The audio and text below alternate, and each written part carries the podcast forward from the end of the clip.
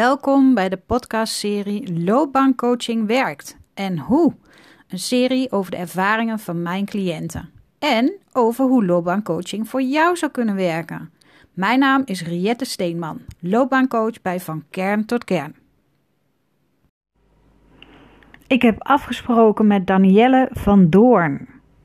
Fijn dat je er bent. Ehm, zou jij jezelf even kort willen voorstellen aan de luisteraar? Ja, zeker. Nou ja, ik ben dus inderdaad Danielle van Doorn. Ik uh, ben 28 jaar. Ik mm -hmm. kom uit uh, Utrecht, waar ik samenwoon met mijn vriend. twee konijnen, vis en ook nog de laatste toevoeging een hond. Die heet Suus. Die is een nu acht, ja, acht maanden oud. Oh joh. Dus die, die was er nog niet toen wij de gesprekken hadden. Maar nee, die is er inmiddels bijgekomen. Mm -hmm. um, en ik uh, ben onderzoeker bij Vattenval. En daar doe ik eigenlijk alle onderzoeken onder onze klanten om te kijken nou ja, waar ze tevreden over zijn en wat beter kan. Leuk. Zeker. Ja. Ja, ja want ja, de, ik uh, stel altijd uh, een aantal vragen hè, aan degene die bij mij is geweest voor een traject. En um, ja, de eerste, de eerste vraag is: wat was eigenlijk de belangrijkste reden dat je bij mij kwam? Ja, Um, nou ja, toen ik bij je kwam, uh, daarvoor was ik uh, zelf weggegaan bij mijn uh, vorige werkgever. mede door een wel vrij hoge werkdruk. Mm -hmm. um, en daarna ja, wist ik eigenlijk even niet goed welke richting ik nou op wilde. En daar wilde ik ja, toch even wat hulp bij om gewoon de goede koers te bepalen. En ook om een beetje erachter te komen van, nou ja, wat wil ik nou echt en wat zoek ik ook in een werkgever? Dus waar moet ik op letten? Ja. En via een uh, oud collega, uh, die was al bij jou uh, geweest in een traject. En Mhm. die was heel erg tevreden. En dus ik dacht, ja, nou, dat lijkt me top. Dus vandaar dat ik bij jou uitgekomen was. Ja. Ja, ik vond het ook heel leuk. Gewoon twee dames achter elkaar die elkaar kennen, was voor mij ook wel bijzonder. Ja, en um, als jij mijn coachstijl zou moeten beschrijven hè, aan iemand anders, wat zou jij dan zeggen? Ja, ik moet zeggen dat dat de, het eerste gesprek dat ik bij jou had, voelde ik meteen me zo, zo op mijn gemak. Uh, je moet soms even aftasten van, nou ja, heb je een klik met een bepaald persoon en voel je je vrij om gewoon ja, alles te vertellen. En je, je hebt een hele open houding, waardoor ik mij eigenlijk direct op mijn gemak voelde om gewoon uh, ja, te delen wat, nou ja, wat uh, de situatie was. En Mhm. uh, daar voelde ik me gewoon heel vrij in. Dus ja, een hele open houding. Heel erg, ja, heel fijn luisteren. uh, en op de goede momenten doorvragen. Dat het toch even je weer aan het denken zet. Ja. Denk, oh ja, dat is een goede vraag. Uh, dus dat, maar ook heel erg um, ja, ondersteunend om uiteindelijk zelf naar de goede antwoorden te komen. Dus je denkt, oh ja, dat wist ik misschien wel ergens, maar ik moest er toch even op gewezen worden. Ja. Nou, mooi om te horen, dankjewel. Ja. Um, ja, je hebt dat, uh, toch uiteindelijk was het meer een loopbaantraject, hè, wat je bij mij hebt gedaan. Ja. Um, welke inzichten heeft dat traject jou opgeleverd, de belangrijkste?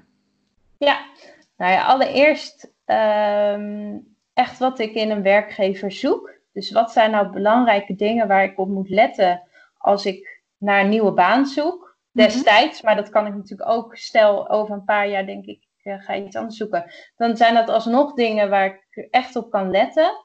Um, en dat is bijvoorbeeld dat ik wel vrijheid wil om zelf ja, gewoon initiatief te kunnen nemen en zelf leuke dingen te kunnen ja, doen die mij leuk lijken. Mhm. Maar dat ik ook wel een stukje structuur nodig heb. Dus uh, dat er gewoon bepaalde zaken goed geregeld moeten zijn, waardoor ik mij op mijn gemak voel. Ja, Uh, um, ja dus, dus dat waren dingen waar ik destijds ook mijn sollicitatiegesprekken eigenlijk een beetje op kon toetsen. Van hey, geeft, mij, geeft mij dit het gevoel wat ik zoek? Mhm. Um, en dat zou dus ook mogelijk nog in de toekomst goed van pas kunnen komen. En ten tweede ook, uh, nou ja, waar ben ik goed in? Dus wat zijn mijn competenties? Uh, Ja. die ik wil gebruiken en die ik dus kan gebruiken. Dus bijvoorbeeld goed luisteren, presenteren vind ik leuk. Uh, En dat zijn bijvoorbeeld twee zaken die ik juist heel goed in de huidige functie uh, kwijt kan. Mm -hmm. dus dat was gewoon heel fijn om even op papier te hebben van, oh ja, dit kan ik goed en dit vind ik ook leuk. Dus eigenlijk moet je een functie ja, een beetje wel daaraan voldoen, zodat je dat ook gewoon in je dagelijks leven vaak kan doen. Ja. Dus, dat, uh, dus dat was uh, ook heel fijn. Ja. ja. En hoe heb je dat tijdens dat sollicitatiegesprek getoetst, zeg maar? Of, of, je, of er voldoende structuur zou kunnen zijn? Um, ja, dat is eigenlijk ja, toch een beetje in het gesprek voelen van uh, hoe zij erin staan, maar ook hoe het bedrijf werkt. Uh, als ze daarover iets vertellen, kan je daar ook meestal al wel uit opmaken of dat iets is wat bij jou past. Mm -hmm. uh, en ik denk dat het ook heel specifiek aan de functie ligt. als onderzoeker heb je waarschijnlijk weer andere vormen van structuur nodig dan als, weet ik veel, sales manager of zo. Ja. Maar ik ben, ik ben daar wel heel erg op mijn gevoel afgegaan. Uh, van voelt dit goed? En uh, ook kan dat heeft niet per se met structuur te maken, maar ook kan ik, mes, kan ik mezelf zijn in het gesprek. Ja. Uh, dat, dat vond ik ook wel erg belangrijk. Ja, maar dat is dus, wel het allerbelangrijkste, hè? dat je gewoon jezelf mee kunt brengen en dat dat ja. oké is. Ja. Ja, ja, ja, zeker. En dat heb ik ook wel toevallig bij die sollicitatie, want ik heb wel meerdere sollicitaties gehad, maar daar, was, daar kon ik gewoon juist ook omdat ik wist wat mijn sterke punten waren, kon ik daar heel erg open en vrij, ja, zelf, vol zelfvertrouwen daarover vertellen. Ja. Ik denk dat dat deels ook heeft geholpen dat ik het uh, ben geworden. Dus het geeft je een stukje zelfvertrouwen in, dat, uh, in die gesprekken. Ja, ja, en uiteindelijk kon je ook nog kiezen uit verschillende. Ja. Ja, want je werd overal maar uitgenodigd en op gesprek. En, uh... Opeens ging het hard, ja. Ja, ja dat ja. is toch wel als je eenmaal weet wat je wilt. Ja. Dat je dat dan blijkbaar ook goed uitstraalt. En dat, ja, en ja, je hebt ook wel de gunfactor, vind ik. Je hebt een, ja, ja, een heel innemend, ja, ik weet niet, een heel vrolijk gezicht ook zo van. Uh, ja, en ook wel eh, daadkrachtig. Zo van, uh, als ik ervoor ga, dan, uh, dan doe ik het ook all the way. Dus ja, ja dat zijn ja. natuurlijk wel de mensen die uh, ook een, ja, een vattenval, daar werk jij dan, ja. wel graag wil hebben natuurlijk. Ja, ja. dus, ja. Als je terugkijkt naar het traject, hè, dan hebben we natuurlijk gesproken en oefeningen gedaan. Als je nou terugkijkt, hè, achteraf, wat heeft jou nou het meest geholpen van alles wat je bij mij hebt gedaan? Uh, ja, ik denk dat de vorm van hoe jij werkt heel goed bij mij past. Dus mm -hmm. dat ik thuis opdrachten kon doen. En dat we juist in de sessies die we hadden, daar echt ook concrete voorbeelden uit konden pakken. Ik weet nog goed dat ik net bij mijn nieuwe werk uh, een paar weken werkte en dat ik soms tegen bepaalde dingen aanliep. En dat we dan dat gewoon gingen doen in een rollenspel. Van hoe zou je dan reageren? En hoe kan je dat beter aanpakken? Uh, dus ik vond het ook heel erg fijn om nadat ik de baan had gevonden, uh, dat je mij daar ook nog in kon begeleiden. Uh, want een baan vinden is heel wat. Maar ja, de eerste half jaar op je nieuwe baan is ook best wel intens. Ja. Um, dus je hebt me toen ook gewoon praktische tips gegeven van, nou ja, als dit de situatie is, wat kan je dan doen om daar gewoon en wat lekkerder in te voelen en er wat beter uit te komen. Dus uh, ik denk ook juist dat de periode nadat ik de baan had gevonden, dat die ook heel waardevol voor mij was. Ja. Uh, en je hebt me ook wel geholpen met het feit dat, nou, ik stel redelijk hoge eisen aan mezelf. Nou ja, om dat soms gewoon even iets meer uh, realistisch te maken. minder, ja. Kijk, ja. dan is uh, bij jou is het dan uh, 100% en dat is van een ander eigenlijk 120%. Dus dat, ja, dan vlieg je ja. zo ongeveer uit de bocht. Ja. ja, en dat is niet altijd nodig. Nee. nee zeker maar heb je daar al nee. wat meer balans in kunnen vinden in de loop der tijd? Ik denk het zeker wel. Al moet ik eerlijk zeggen dat dat wel soms nog opduikt, omdat dat gewoon in mij zit. Dan denk ik, oh, kan ik niet dat nog doen en dat nog doen? Uh, maar dat wordt ook wel herkend in mijn omgeving. Uh, a.k.a. mijn uh, vriend, die dan ja. zegt, nou, ik denk dat je op zich al best wel veel doet. uh, dus, dus die tempert mij nu soms even als ik weer met een nieuw idee kom. Ja. Maar het gaat al veel beter. En ik denk echt dat het door een stukje vertrouwen in jezelf komt. En met, nou ja, dat het gewoon goed gaat. Dus dat het ook gewoon prima soms zo is. Dat je niet altijd weer dat stapje extra nog hoeft te doen. Hoeft te doen, klopt. Ja. Hey, en was er destijds een vacature bij Vattenfall waar je op hebt gesolliciteerd? Ja, klopt. Ja. Dus er was gewoon een online vacature. Daar uh, heb ik op gesolliciteerd, ja. Mm -hmm.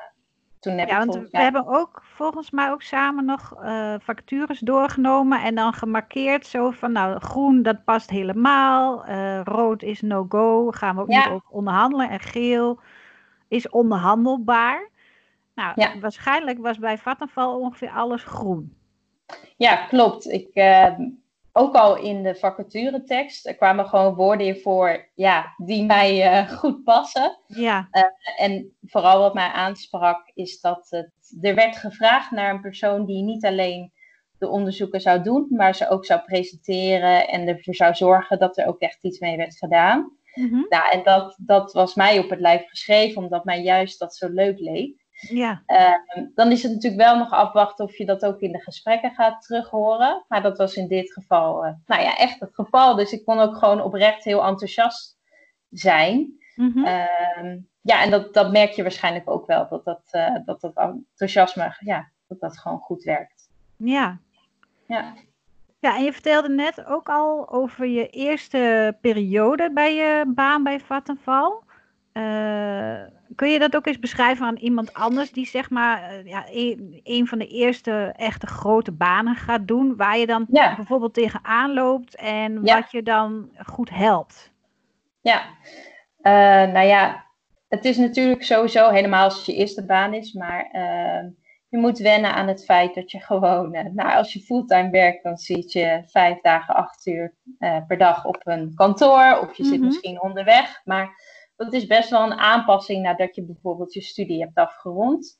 Daarnaast kom je op een nieuwe plek, of misschien een middelgroot kantoor of een erg groot kantoor. Dus je moet ergens naartoe reizen, je hebt nieuwe collega's. Uh, als je een groot bedrijf hebt, heb je heel veel nieuwe collega's. dat ja. bij mij het geval. Uh, en dat zijn zoveel indrukken die je allemaal moet verwerken. En daarnaast wil je natuurlijk ook heel erg je best doen. Want het is, uh, ja, het is je nieuwe baan. Dus je wil laten zien dat jij het uh, waard bent, uh, dat je bent aangenomen, et cetera.